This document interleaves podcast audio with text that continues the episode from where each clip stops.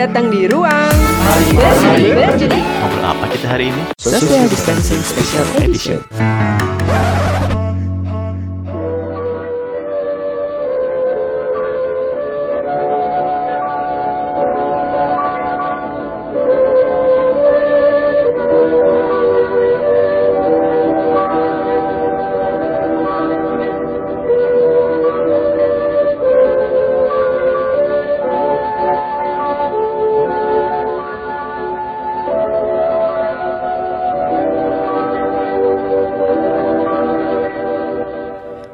Mari berjudi. Saya Sigit. Saya berdomisili di Yogyakarta, bekerja di bidang IT di perusahaan startup. Selama periode social distancing ini, saya banyak melakukan hal-hal yang memang itu krusial untuk dilakukan, yaitu untuk selalu menjaga kebersihan diri, selalu untuk mencuci tangan dan menjaga sanitize. Itu penting banget karena itu betul-betul efeknya balik ke diri kita sendiri. Yang kedua, saya betul-betul meminimalisir bertemu dengan orang-orang banyak yang itu komunal melebihi dari 10 orang. Contohnya beberapa waktu lalu saya diundang ke ulang tahun teman. Saya jujur bicara saya sedang social distancing dan saya memutuskan untuk tidak berangkat. Dan yang ketiga saya kebetulan memang banyak agenda atau uh, aktif di komunitas lari. Beberapa hari lalu saya masih datang di sebuah event lari yang itu komunal juga lebih dari 10 orang, tapi mereka komitmen untuk menyediakan hand sanitizer dan juga kita melakukan non handshake. Jadi kita melakukan salaman sepatu dengan sepatu atau lengan dengan lengan. Itu sih yang penting adalah kesadaran diri kita sendiri untuk selalu menjaga kebersihan. Yang kedua, sadar bahwa kita juga sangat beresiko untuk terkena paparan virusnya. Jadi selain diri kita sendiri, kita juga harus menjaga orang lain juga. Thank you.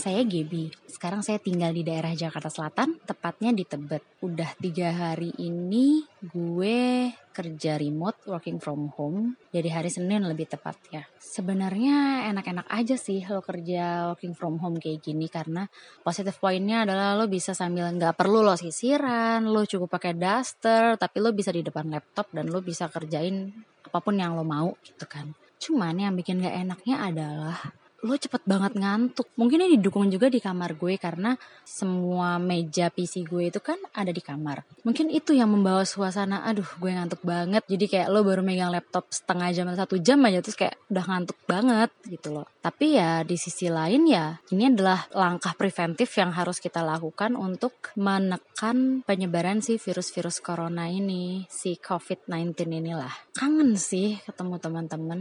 Iya bosan juga karena kalau ketemu teman-teman tuh biasanya kalau lagi di kantor nih siang-siang atau tahu eh pesan makan yuk pesan makan yuk. Atau lo mau delivery apa nih? Ngopi yuk sana kemari. Nah pembangkitnya itu yang nggak ada mood boosternya itu yang nggak ada. Padahal sebenarnya coffee shop dekat rumah gue banyak banget. Atau gue tinggal ke dapur dan gue tinggal bikin kopi gitu kan. Tapi ya beda aja sih sensasinya dibanding lo harus ketemu teman-teman. Ya walaupun berisik juga sih sebenarnya sama teman-teman lo lebih fokus ngerjain di rumah. Cuman ya nggak enak juga ya ternyata bawa kerjaan lama gitu kan di rumah. Kan oke okay, kita harus nikmatin ya harus sabar-sabarin aja. Ya semoga pandemi COVID-19 ini benar-benar cepat lewat deh. Jangan sampai Ramadan bulan puasa waktunya kita berkumpul dengan banyak orang Idul Fitri. Itu tuh si pandemi ini tuh masih berkembang nauzubillah menjalik agak repot ya kalau kayak gitu karena berarti penularannya bakal lebih masif ya sekarang juga gue lagi terkendala. Gue harus mereschedule beberapa agenda. Salah satunya adalah acara kewongan gue bo yang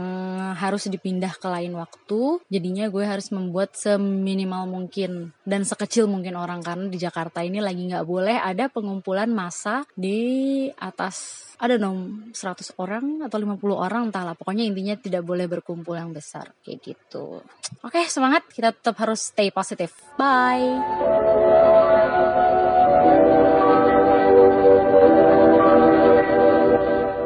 Halo, nama saya Ratna. Saya bekerja sebagai konselor di SMP Kolese Kanisius. Saya akan berbagi sedikit pengalaman selama distancing ini. Pertama kali mendengar penyebaran virus corona ini di Wuhan, masih belum muncul perasaan cemas. Lalu virus ini pertama kali terdengar sampai Indonesia dan ada orang yang terinfeksi. Pertama kali saya dengar orang yang terinfeksi itu adalah orang di daerah Depok. Namun, saya pun masih belum terlalu cemas. Semakin hari, semakin banyak berita penyebaran virus ini, semakin luas. Bahkan di Indonesia juga semakin banyak orang yang tertular. Dari sini baru muncullah kecemasan itu. Apalagi setiap hari saya pergi pulang kerja menggunakan KRL. Kalau bisa dibilang ya saya jadi lebih parno. Yang jelas terjadi perubahan pola hidup. Sekarang jadi lebih sering cuci tangan, pakai hand sanitizer, pakai masker, minum vitamin C untuk menjaga daya tahan tubuh. Di mana hal-hal seperti ini sebelumnya saya jarang melakukannya. Kemudian pemerintah membuat kebijakan siswa sekolah belajar secara online di rumah. Bagi saya ini adalah langkah yang tepat untuk membantu mengurangi penyebaran virus. Hari ini saya mulai bekerja dari rumah. Semua tugas saya berikan kepada siswa saya secara online. Belajar online di rumah menjadi budaya belajar yang baru. Tentunya ada tantangan lain yang dihadapi. Meski demikian, kami tetap semangat dan enjoy menjalaninya.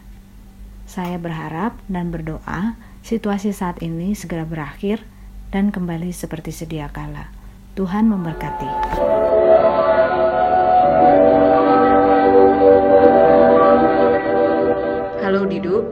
Makasih podcastnya udah naik ya. Tadi setelah kamu kasih tahu udah naik di podcast Mari Berjudi, habis dengerin, sebenarnya saya ada informasi tambahan yang besar nih yang sebelum saya uh, sharing dari Malaysia bahwa kemarin tanggal 25 Maret pukul 1 siang Perdana Menteri Malaysia itu mengumumkan bahwa Restriction Movement Order atau RMO diperpanjang sampai dengan 14 April. Jadi kurang lebihnya satu bulan dari 18 Maret yang seharusnya sampai 31 Maret, kemudian diperpanjang lagi dua minggu jadi sampai 14 April. Seperti yang saya bilang sebelumnya bahwa peraturan ini berlaku secara nasional mengikat ke seluruh negeri di Malaysia. Keputusan ini diambil karena melihat penyebaran virus corona di Malaysia ini masih cukup tinggi. Jadi per data 25 Maret 2020 totalnya itu masih 1796 dan 20 yang meninggal di mana yang saya tahu orang yang meninggal ke-20 ini adalah dari klaster tablik akbar yang di Seri Petaling. Tapi memang beliau sudah berusia lanjut ya, sekitar 76 tahun. Jadi pertambahan kasus sehari kemarin tanggal 25 itu masih 172 orang, di mana 71-nya itu dari klaster tablik akbar. Nah hal ini mungkin yang menyebabkan pemerintah Malaysia memutuskan bahwa RMO ini diperpanjang sampai satu bulan. Sebenarnya hal ini sudah saya prediksi secara personal ya setelah disampaikan dua minggu saya udah langsung berpikir bahwa mungkin ini akan paling nggak satu bulan. Karena melihat dari Wuhan mereka tuh sekitar 50 hari aja sampai hari ini bukan berarti penambahan mereka nol gitu untuk penambahan kasus yang positif COVID-19 kan. Ini yang bikin kita jadi harus bekerja dari rumah yang awalnya kita kerja shift misalnya seminggu sekali akhirnya diputuskan gitu ya untuk keamanan kita semua. Kita bekerja dari rumah kita hanya ke kantor bila sangat diperlukan diperlukan bila urgent. Tapi sampai sekarang memang belum pernah karena kita masih kerja dari rumah. Kita lebih ke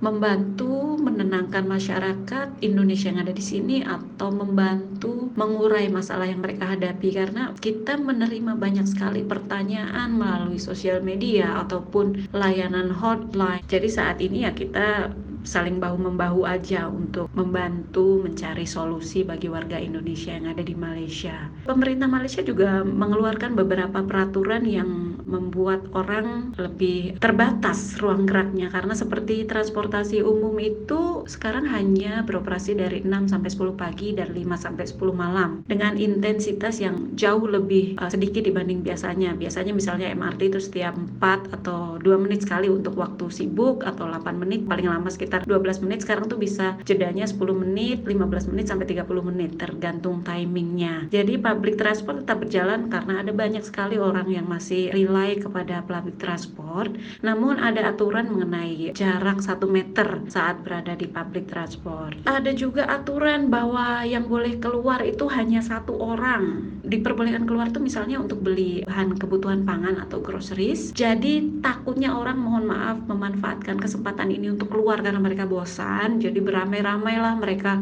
ke supermarket. Akhirnya pemerintah mengeluarkan keputusan bahwa hanya satu orang yang boleh keluar untuk membeli kebutuhan sehari-hari atau misalnya hanya satu orang yang boleh berada dalam satu mobil. Kalau kita terbukti melanggar peraturan memang uh, yang saya dengar itu bisa kena denda dan penjara. Nah ini aturan ini kalau nggak salah udah mulai lima hari yang lalu. Tapi untuk orang yang tidak mempunyai kendaraan pribadi, pemerintah nih Kementerian Transportasi Malaysia sudah mengeluarkan peraturan bahwa e-hailing itu misalnya untuk yang Grab atau MyCar itu mereka tetap beroperasi. Tapi yang saya dengar juga, saya belum menemukan benar-benar secara tertulis, tapi yang saya dengar bahwa cuman hanya boleh satu menumpang di belakang. Jadi tidak boleh lebih dari dua. Kemarin teman saya sempat share bahwa dia sebenarnya rencana mau ke supermarket untuk belanja, namun karena dia lupa pakai masker, dia tidak diperbolehkan untuk masuk ke supermarket. Karena sekarang semua agak lebih ekstra ya. Kadang-kadang saya dapat berita misalnya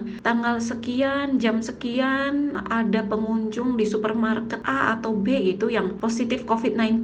Jadi mereka mengumumkan bahwa mereka di disinfektan gitu semua ya, dibersihkan. Nah, itu kadang-kadang bikin kita agak parno juga mau keluar. Jadi kita kalau keluar seminggu sekali benar-benar kita detail listnya, jangan sampai ada yang lupa, paling nggak seminggu sekali kita keluar. Yang saya pernah dengar juga PM Malaysia membuat pernyataan bahwa untuk uh, warganya yang terpaksa harus dirumahkan, tidak bekerja selama COVID-19 ini masih mewabah, itu pemerintah akan memberikan tunjangan sebesar 600 ringgit untuk setiap pekerja yang gaji bulanannya di bawah 4000 nah itu selama enam bulan mendatang akan diberikan tunjangan dari pemerintah 600 ringgit setiap bulan. Kalau dari berita yang saya baca memang ada sekitar 33 ribu ya orang Malaysia yang perlu disupport ada lagi kebijakan pemerintah Malaysia adalah diskon 15% untuk listrik dari mulai April sampai September. Nah demikian mungkin sharing saya yang terbaru dari Malaysia.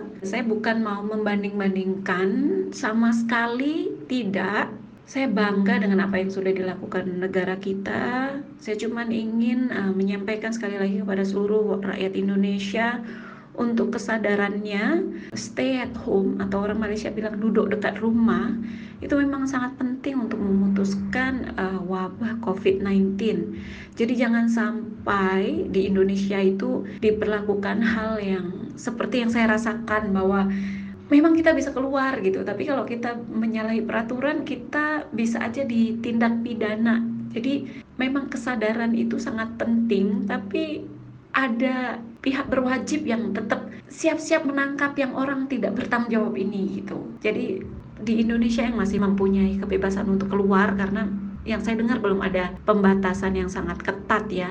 Itu lebih ke awareness orang saja saya harap sebaiknya di rumah yang tinggal di Jakarta tapi misalnya orang Jogja atau orang Magelang atau orang Semarang di Jakarta dulu. Mohon maaf jangan membantu membawa virus ini ke kampung gitu ya apalagi kalau di rumah ada orang tua, ada baby, ada orang yang punya sakit karena mereka yang mempunyai imun sistem yang bagus ini memang masih oke okay gitu. Tapi kalau yang udah lemah ini akan kasihan sekali. Work from home, kerja baik-baik, bukan berarti liburan. Dari rumah standby, jaga kesehatan, makan yang sehat. Kalau perlu olahraga tetap dikit-dikit mau lari-lari di tempat apa pun senam-senam yoga yang penting kita semua bantu jaga jadi gitu du kayaknya tadi kalau disampaikan melalui tulisan banyak sekali aku udah udah nggak tahu nih cara nyampein. Tapi nanti kalau ada perkembangan baru lagi dikit-dikit mungkin aku akan kasih ke insta story aku tag mari berjudi dan juga Dan Bagus Edido. Yang penting tetap sehat. Oke selamat sore dari Kuala Lumpur.